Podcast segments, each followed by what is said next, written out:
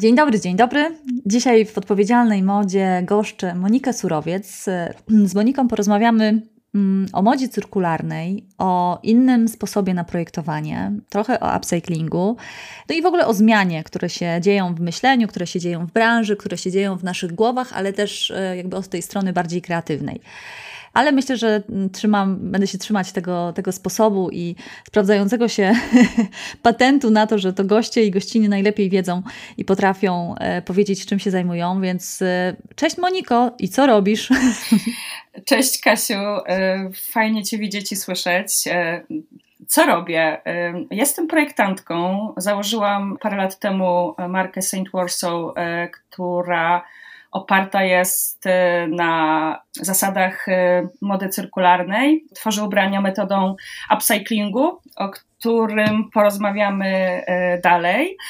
Oprócz tego, że projektuję, bo to jest ten wymiar materialny, staram się zmieniać myślenie o projektowaniu, staram się zmienić podejście w ogóle do projektowania, zmieniać myślenie o samym odpadzie i mhm. myślę, że współtworzę e, nowy system mody cyrkularnej e, w Polsce.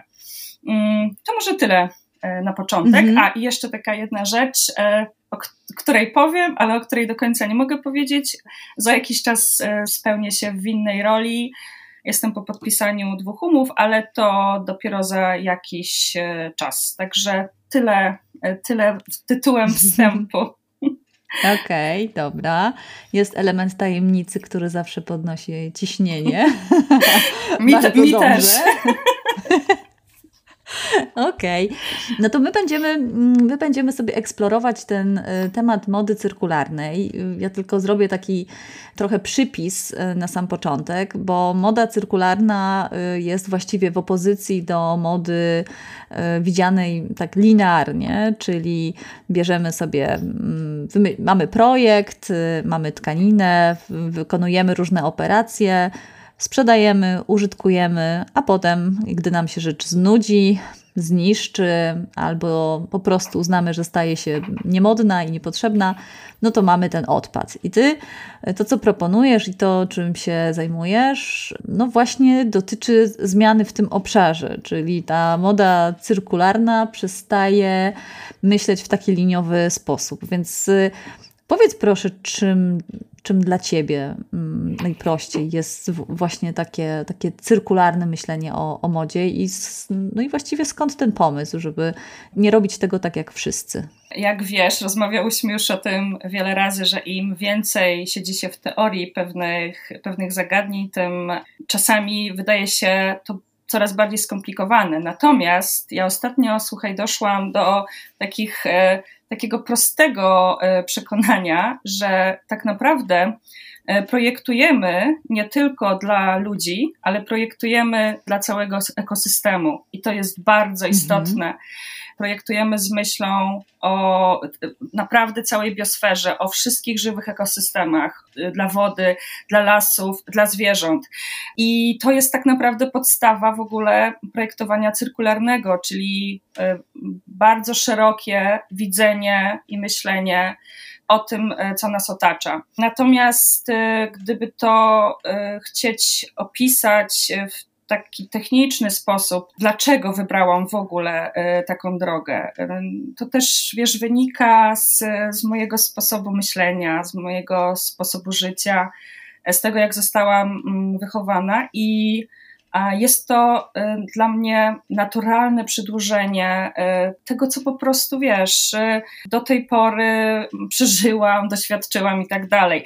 Okay, czyli tak naprawdę mm, ten wspólny mianownik y, pewnie takiego myślenia o, o projektowaniu inaczej, tak jak tutaj mówisz, no to jest to uwzględnienie potrzeb nie tylko nas, ludzi, nazywanych koroną stworzenia, tak? I czerpaniem z ziemi i z jej zasobów, tylko tutaj myślimy o tym, jak te zasoby ochronić, tak? Więc chciałam Cię zapytać, jak to się przekłada na y, jakby realne Twoje działania? Czyli y, jeśli teraz ktoś mówi, kurczę, fajna fajny pomysł, żeby projektować z myślą o tym, co dzieje się i jakie jeszcze konsekwencje te nasze projekty czy nasza działalność y, ma w świecie. No ja bym sobie życzyła, żeby wszystkie biznesy zadawały sobie pytanie, czy nasza działalność y, wspiera planetę, czy tylko ją, wiesz, wyjaławia, zuboża i tak dalej. To jest dzisiaj pytanie za 100 punktów. Marki próbują nas prze przekonać, że są odpowiedzialne społecznie, dlatego że przeznaczą jeden promil swojego zysku i posadzą trzy drzewa i zmienią żarówki. E, w myśleniu i w modzie cyrkularnej, no ja mam wrażenie, że to jest taka bardzo radykalna postawa mm, ciągle, jak na modę. No bo my tutaj y, mówimy, możemy robić ze śmieci. Czy dla Ciebie moda, czy z tekstylnego odpadu, czy dla Ciebie moda cyrkularna, takie myślenie o modzie, to jest coś ograniczającego Twoją kreatywność, czy to jest coś, co, nie wiem, wzbogaca Twoje podejście do projektowania? Jak to widzisz? Czy to mnie wzbogaca? No tak jak Ci powiedziałam e, wcześniej, e, że jest to dla mnie e, tak naturalne, że w pewnym sensie już przestałam o tym myśleć, że ten sposób projektowania, wiesz, nie jest u mnie zaadoptowany na potrzeby makrotrendów, tylko on naprawdę wynika z moich wartości i to, co mi się wydaje, że jest bardzo ważne dzisiaj, że marki czy projektanci, którzy chcą zacząć projektować, e, powinni być integralni w swoich wartościach i być integralni e, z tym, co proponują. Że dzisiaj mam takie poczucie, że wartości marki są naszymi wartościami, a tak jak zresztą takie, a przynajmniej powinny być. E, że to jest bardzo szeroka perspektywa. I jeśli pytasz w tym momencie o e, kreatywność, e, w ogóle upcycling jest takim odwróconym projektowaniem, bo nie mhm. korzystasz z, z beli i nie rozkładasz materiału i nie wycinasz, tak jak zazwyczaj się robi, projektów, poszczególnych elementów z, z całego kuponu materiału, tylko tworzysz y, czasami z puzli albo projektowujesz, tak jak ja bardzo często to robię, z istniejącej już rzeczy. Y, mhm. Dla mnie osobiście jest to bardzo istotny proces, w tym sensie, że to jest taki proces u mnie pełen szacunku do samego materiału, szacunku do projektu, który ktoś kiedyś przede mną stworzył. I ta kreatywność u mnie wygląda w ten sposób, że ja po prostu poszukuję nowej formy, wiesz, i czasami to jest tydzień, czasami to jest taki błysk, wiesz, który się pojawia i ja po prostu widzę. Czasami jest tak, że inspiruje mnie jakaś plama światła, która się pojawia na materiale, która go dosłownie tnie, i po prostu wtedy mam wizję tego, więc e, wiesz sama zresztą, że te ścieżki e, podążania naszego umysłu za projektem e, potrafią być bardzo zaskakujące dla nas samych. Dla mnie to jest też proces taki medytacyjny, bo ja naprawdę od samego początku zastanawiam się też nad tym, co dalej będzie z tym e, projektem, co dalej będzie z tym produktem. I to jest bardzo istotne, tak, że dzisiaj mamy tą rozszerzoną taką odpowiedzialność. I ta odpowiedzialność nie leży tylko i wyłącznie w kwestii tego, jak piękną rzecz dostarczysz e, swojemu mhm. odbiorcy.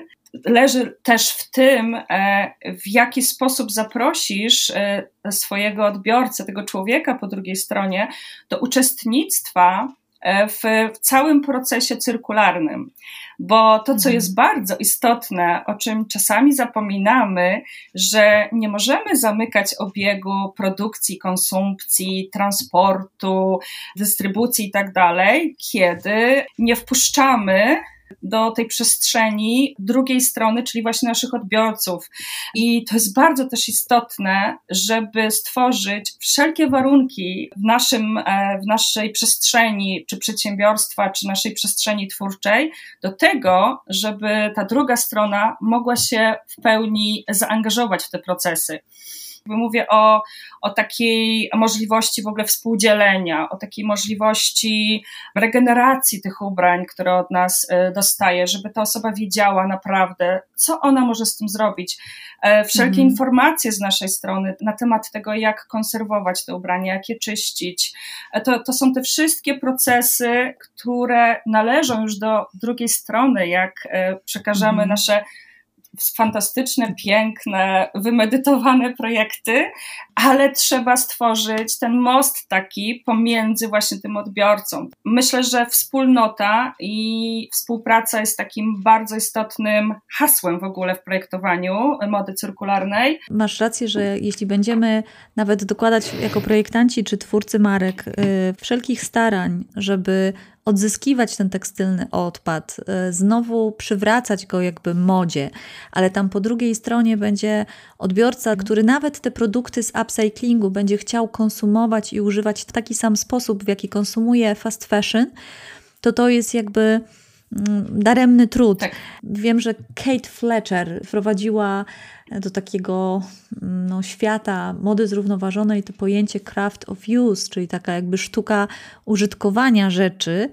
I to jest rzeczywiście coś znacznie większego i szerszego niż sam pomysł, żeby prać ubrania w niższej temperaturze, albo po prostu, nie wiem, golić nasze swetry, które się spillingowały, tylko rzeczywiście to jest takie wołanie, mam nadzieję, że nie na puszczy, o to, żebyśmy pochylali się trochę nad, nad tymi naszymi rzeczami uważniej, a jak mamy, mamy szansę właśnie w, razem z twórcami te rzeczy współtworzyć, no, bardziej je rozumieć, no to też jest nadzieja, że będziemy mhm. je mm, właśnie nosić dłużej, używać lepiej, dbać o nie więcej.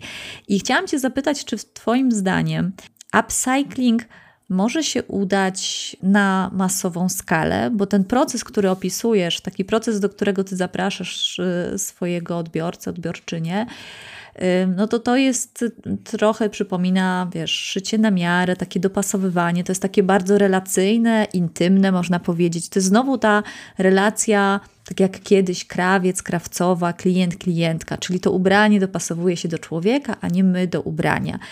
A z drugiej strony, przy tej wiesz, hałdzie, przy tych miliardach ubrań, e, które są produkowane, to ja ciągle mam wrażenie, że my potrzebujemy też upcyclingu na taką masową skalę. Trochę takim przedsięwzięciem była e, nasza letnia kolekcja z ubrania do oddania, kiedy według pewnego schematu, według pewnego jakby ustalonego projektu e, przygotowaliśmy serię z, e, sukienek z męskich koszul. Chciałam Cię zapytać, czy dla Ciebie upcycling to jest bardziej właśnie proces jeden na jeden, czy widzisz, czy możesz sobie wyobrazić świat, w którym jest to bardziej masowe? Masowość generalnie dzisiaj nie kojarzy mi się zbyt y, miło.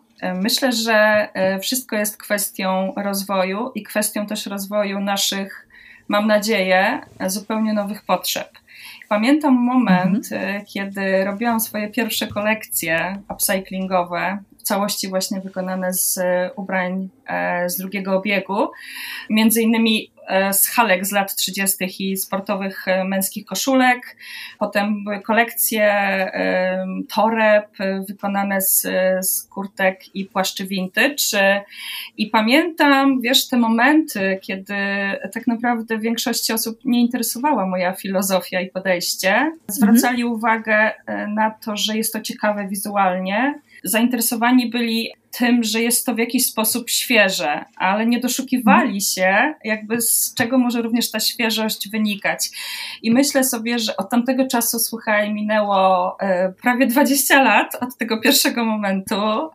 I mhm. jak widzę rozwój świadomości społecznej, e, to jest to e, tak naprawdę niesamowity w ogóle skok. Mhm wrócę do tego, co powiedziałam na początku, że to jest kwestia tego, jakie faktycznie będziemy mieli e, potrzeby. No sama wiesz, że to w ogóle jest bardzo utrudniony proces, więc to zajmuje naprawdę dużo więcej czasu niż taka tradycyjna produkcja, więc no, trzeba pod uwagę brać te wszystkie kwestie techniczne, zaplecza produkcyjnego, osób, które byłyby to w stanie zrobić. E, myślę, że to są takie bardzo szczegółowe mhm. odpowiedzi i takie szczegółowe myślenie w ogóle nad tym i to jest tak naprawdę bardzo dobre pytanie e, do rozważenia. Właśnie na szukaniu takich patentów na upcycling na szerszą skalę yy, spędziłam całkiem sporo czasu, więc dlatego każdy taki głos tutaj mnie mm, interesuje, bo rzeczywiście bardzo szybko okazuje się, że my nie jesteśmy w stanie, mówiąc kolokwialnie, zamówić sobie jakiegoś rodzaju odpadu i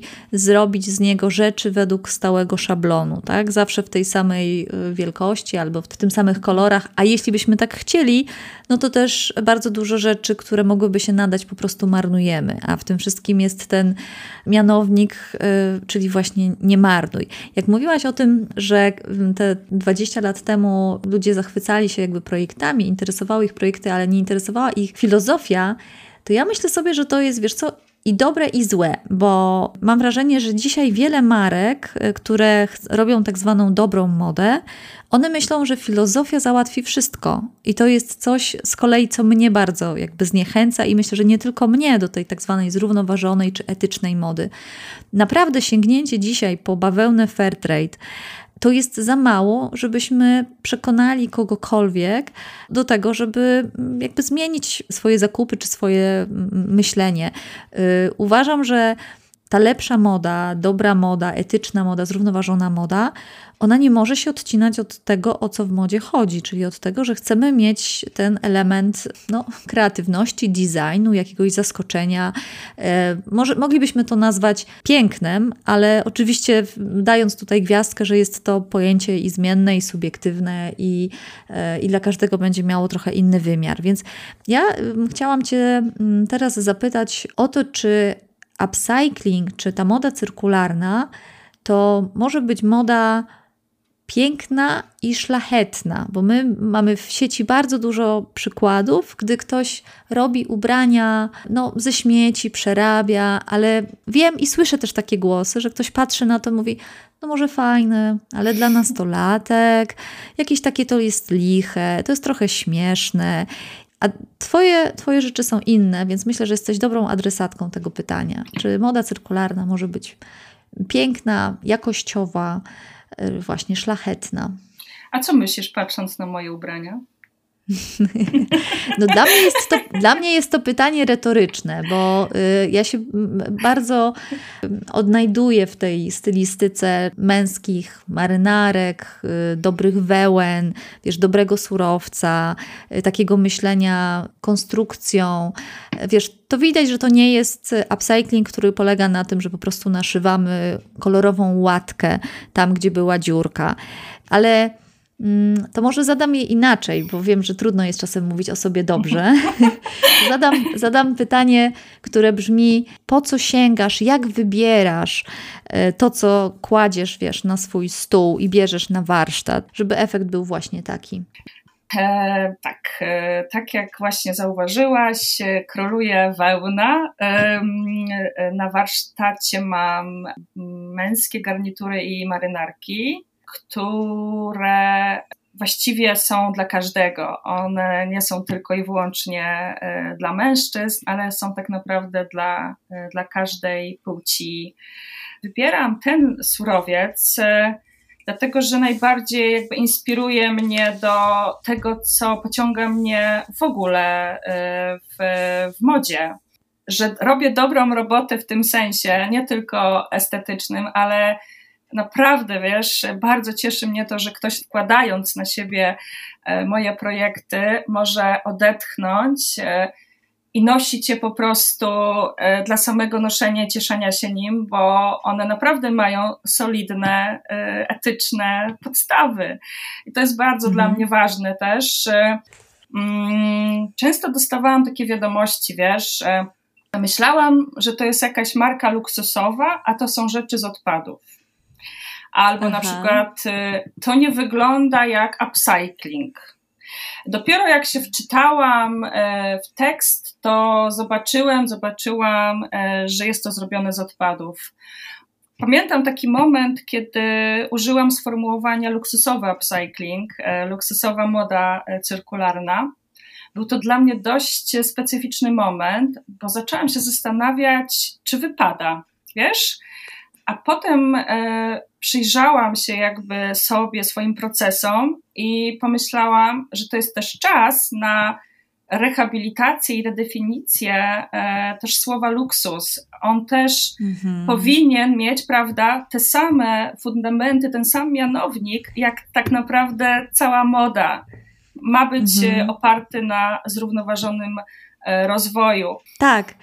Wiesz co, i bardzo a propos, niedawno trafiłam na cytat y, szefa mm, tego wielkiego domu mody, albo może raczej stajni domów mody, czyli właściciela y, Keringa, który powiedział, że Kering wycofuje się we wszystkich luksusowych markach, które należą do nich, mhm. z użycia futer. Mhm Właśnie dlatego, że luksus, tak teraz chyba parafrazuję, to trochę nie może być jakby oparty, czy wyklucza mhm. cierpienie. Wyklucz mhm. I, I ja rzeczywiście się akurat Keringowi przy, przyglądam od jakiegoś czasu. Oni są też współautorami wielu projektów, y, które jakby wspomagają takie przejście mody na tą powiedzmy bardziej ekologiczną i etyczną stronę. I myślę, że to jest bardzo fajny trop. To znaczy, my dzisiaj powinniśmy od marek luksusowych wymagać y, więcej, bo tam naprawdę płacimy krocie. I to nie może być wszystko konsumowane tylko w postaci marży, albo nie może uzasadniać tej ceny tylko i wyłącznie drogi materiał, prawda? Mhm. Tam, tam jeszcze coś powinno, y, powinno za tym stać. Dokładnie. Mhm. Mm.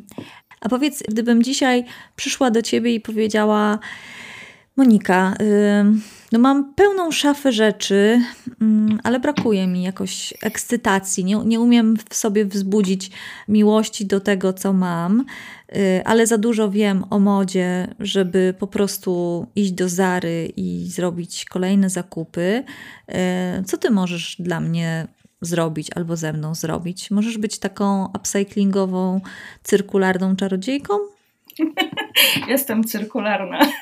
Mm, co ja bym mogła zrobić? No robię to, słuchaj. I to, to, są, to są niesamowite w ogóle momenty, kiedy wchodzę do takiej szafy i, hmm. i wyciągamy ubrania, które mm, trafiają na, y, do przestrzeni ubrań, do przerobienia albo do oddania i przyglądamy się temu i wiesz, i, i przychodzi ten moment takiego myślenia nad tym, co możemy y, z tym zrobić. Korzystanie czasami z usług czy też z doświadczenia specjalistów, którzy zajmują się stylizacją. stylizacją, czy też e, tak zwanym przeglądem szafy, naprawdę może doprowadzić do tego, że nie będziemy miały potrzeby czy ochoty kupować nowych rzeczy. I to mhm. też jest bardzo cyrkularne, tak? Więc... Wiesz co, jak, jak najbardziej. I y, ja mam nawet taki przykład, y, że tak powiem, branżowy pracując y, wiele lat przecież właśnie jako projektantka, bardzo często tworzyłyśmy z moimi zespołami kolekcję, mając jakiś pomysł na stylizację, na zestawy. Y, właściwie budowałyśmy tą kolekcję, myśląc o tym, ok, to do tych spodni może być ta i ta bluzka, do, tej, do tego płaszcza mm, będzie pasował ten i ten zestaw, i te dwie sukienki i tak dalej. Ale jak przychodziło potem do, do robienia sesji zdjęciowej i promocji, to najczęściej korzystaliśmy z, ze stylistek, które widziały naszą kolekcję po raz pierwszy. I to było absolutnie cudowne, bo nagle okazało się, że mimo, że mm, spędziłyśmy czasem pół roku tworząc tą kolekcję, y, dopracowując kolory, szukając wzorów, opierając się o moodboardy, czyli te takie tablice inspiracyjne, mm, znając zasady aktualnego łączenia proporcji, długości itd., tak i nagle przychodził ktoś, kto nam to często wywracał do góry nogami, i myśmy odkrywały jeszcze coś, mhm. co w ogóle było jakby, co, co, co, było przeoczone, bo my cały czas byłyśmy nakręcone jakiś, na jakieś inne patrzenie. Mhm. I dokładnie tak, wiesz, skoro to się zdarza w tej relacji projektant, projektantka, stylista, no to cóż dopiero w tej relacji klient, klientka, stylista, mhm, stylistka, dokładnie. E, gdzie my często nie mamy czasu, żeby tyle poświęcić naszej szafie. My ten czas, czasem bym chciała, żebyśmy połowę tego czasu, który przeznaczamy na zakupy, pomedytowali przy naszych szafach. Masz rację, że zaproszenie kogoś, kto potrafi nam y, po prostu wskazać jakieś zupełnie nowe, nieoczywiste połączenia, to jest tak, jakbyśmy nagle możemy zobaczyć tą swoją szafę w zupełnie w ogóle innej y, odsłonie. Więc ja jestem też wielką fanką tego, mhm. żebyśmy Mm, chcąc zmienić cokolwiek w naszym stylu, w, czasem w trybie życia i podeprzeć to, czy jakoś zaktualizować naszą szafę, żebyśmy się wsparli kimś, kto spojrzy trochę z boku, prawda? Tak, i to jest mhm. w ogóle też ogromna oszczędność e, nie tylko pieniędzy, ale też czasu, bo tak jak mówisz, tak. że jak nie mamy dystansu do swoich własnych opatrzonych ubrań, i akcesoriów, e, to trudno jest nam wyjść z tego takiego błędnego koła Mhm. Ja osobiście uwielbiam te procesy, bo przy tych procesach naprawdę się dzieje magia. I pracowałam e, z osobami, które naprawdę kupowały bardzo dużo. Teraz te osoby są na takim etapie, kiedy potrafię dostać, wiesz, wiadomość pod tytułem e, Pani Moniko, byłam w Berlinie, widziałam tyle pięknych ubrań, ale nic nie kupiłam. Kupiłam książki. A Aha. i ktoś może pomyśleć, co ze mnie za szalona stylistka, projektantka, która mówi do swoich klientów i klientek, y, nie musi pani kupować, nie musi pani nawet kupować mhm. ode mnie, tak? Mhm. Bo to tak naprawdę nie o to chodzi. Ja naprawdę wierzę w to, co robię. I tak jak powiedziałam na początku, że, y, że jakby manifestacją tej idei jest ta materialność tego mojego, mojego ubrania, ale tak naprawdę w tym jest znacznie więcej to, to mam, dla ciebie, mam do Ciebie pytanie, które z Twoich wcześniejszych y, doświadczeń, bo wiem, że pracowałaś też jako stylistka, y, robiłaś różne rzeczy i na pewno czerpiesz oczywiście z tego wszystkiego, robiąc teraz to, co robisz, ale jakie jakby umiejętności są mm, najcenniejsze w tym procesie? Faktycznie mam y, spore doświadczenie, y, które zdobyłam i w branży y, mody, i w branży filmowej. Co wyniosłam z tego, co jest najcenniejsze? No na pewno nie ubrania. Już całe moje życie, tak naprawdę, odkąd pamiętam, związane jest z ubraniami myślałam kiedyś, że jak e, zacznę rozwijać swoją e, działalność, karierę, jakkolwiek e, tego nie, na, nie nazwać, to że, że to będzie miało mniej fizyczny wymiar. A się okazuje, że jestem właściwie cały czas z nimi związana i też niejednokrotnie mam okazję przekonać się, ile ważą, bo sama je na przykład noszę. A myślałam, że to się kiedyś też zmieni, wiesz, ale Cały czas noszę ubrania.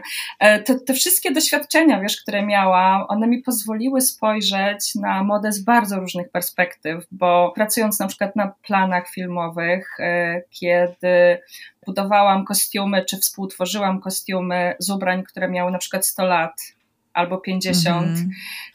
to też była niesamowita nauka poprzez właśnie samo przyglądanie się, dotykanie i też wąchanie tkani, no też zupełnie mm. inaczej e, pachniały. Czy w branży mody, kiedy e, jak realizujesz sesje zdjęciowe do magazynów, w których pracowałam, bo pracowałam dla e, faktycznie największych tytułów w Polsce, to jednak tam masz taki nacisk na te mikrotrendy, na tą szybkość trendów, na pokazanie mody nie tyle z perspektywy, tak jak właśnie ma film, tylko pokazanie mody tu i teraz. Dlatego ja zawsze wolałam, szczerze mówiąc, historię e, i budowanie mhm. nawet mody na podstawie, wiesz, opowieści, historii. Zobacz, Aha. wybierając przecież materiały, tak naprawdę wybieram materiały e, z przeszłością i z przeszłości. Więc wiesz, to się wszystko, wszystko na siebie nakłada, e, to się wszystko, wszystko się po prostu zazębia. No i w ogóle też swoją drogą zobacz, że film bardzo często przecież wykorzystuje e, tkaniny i ubrania, e, które są z drugiej ręki. Mm-hmm. To, też, e, to też jest taka, ta, taka dygresja, tak, o której czasami zapominamy. Jak mówiłaś o tym doświadczeniu tworzenia kostiumów, to myślę sobie, i może to byłaby jakaś myśl na koniec, że tak jak w filmie, tak jak w kinie, zawsze mm, te kostiumy mają nam podbijać osobowość y, bohatera czy bohaterki, tak? Mają czynić te, tę osobę mm, bardziej wyrazistą, bardziej zrozumiałą, coś nam o niej opowiedzieć.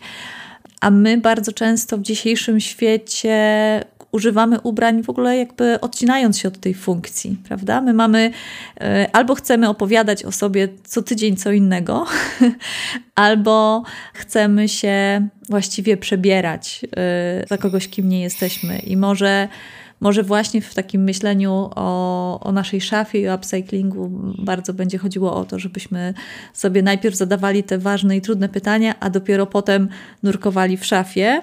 A drugą myśl mam taką. Dużo myśli. Że. tak.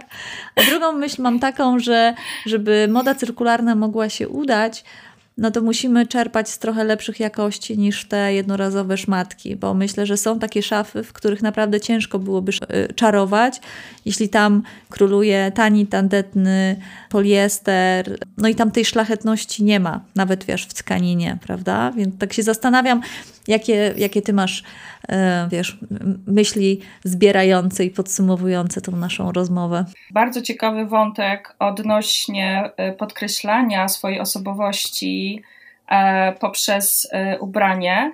E, tak jak faktycznie to ma miejsce w przypadku filmu, że bez kostiumu tak naprawdę nasz bohater nie istnieje, a my często zapominamy o tym, że to my jesteśmy głównym bohaterem swojego życia i że to ubranie tak naprawdę jest dla nas po to, żeby nam było wygodnie, ale też jednocześnie, że absolutnie mamy prawo poprzez ubiór komunikować e, to, e, to kim jesteśmy. I, I to jest jedna z fantastycznych funkcji mody, o której zapominamy. Mhm. Że, że mamy takie możliwości, że mamy, że mamy takie, e, takie prawo. Jaka myśl mi jeszcze przychodzi do głowy, że, że zmieniając w ogóle stosunek do odpadów, tak naprawdę zmieniamy podejście do samego siebie, bo jak naprawdę skupiamy się nad tym, żeby te wszystkie wyprodukowane przez nas śmieci wylądowały w odpowiednich mhm. kubełkach, to siłą rzeczy zastanawiamy się nad tym, jak posegregować inne, nie wiem jak to nazwać, akcenty, elementy w naszym życiu. I to w pewnym momencie też dotyczy e, mody, dotyczy e, naszej szafy. Więc e, Mhm. Przyjrzyjmy się po prostu e, odpadom i chciałabym, żebyśmy zaczęli wychodzić, wiesz, z tej takiej e, kultury nadmiaru, e, żeby to przyzwolenie takie społeczne do nieustannej wymiany, do mhm. nieustannego wyrzucania przestało być nadrzędne.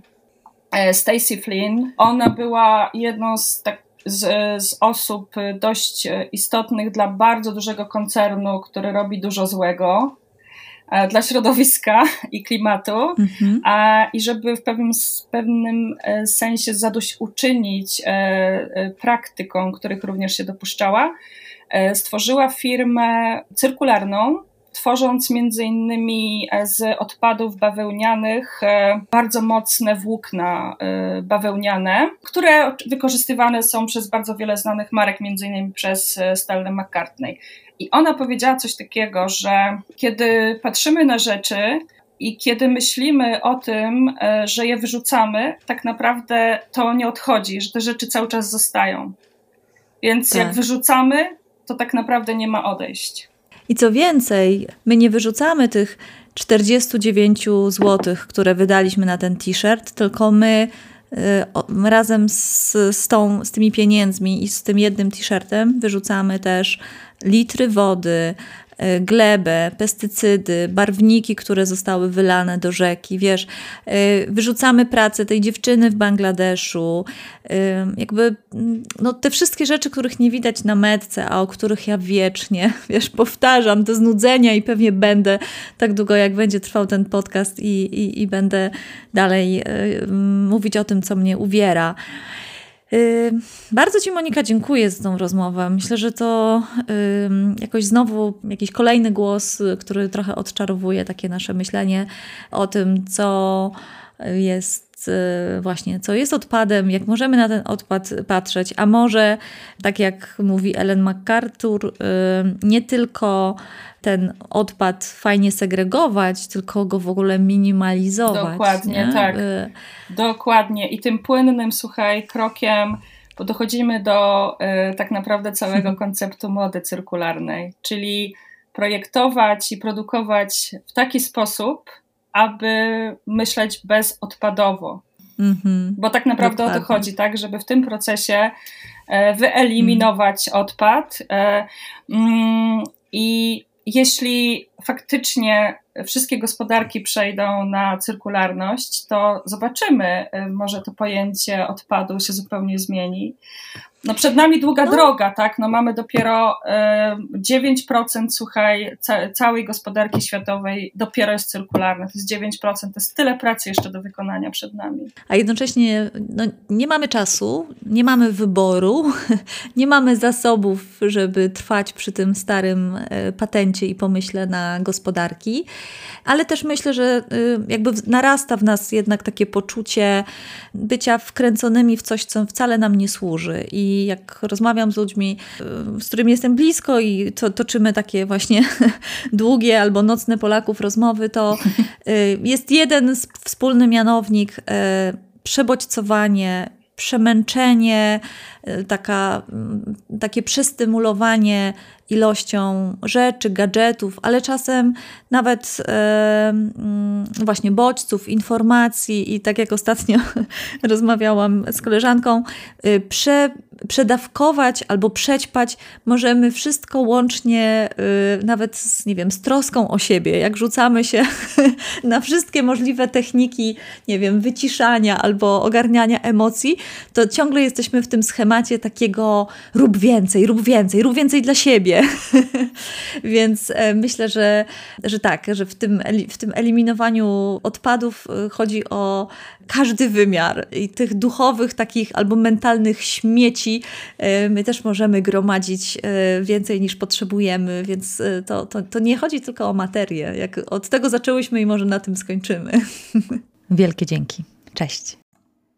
No i to by było na tyle. Bardzo Wam dziękuję za wysłuchanie tego odcinka i ze wszystkich sił przybijam, przybijam piątki tym wszystkim osobom, które fajnie reagują na podcast, udostępniają moje treści, są ze mną na Instagramie odpowiedzialnamoda.pl.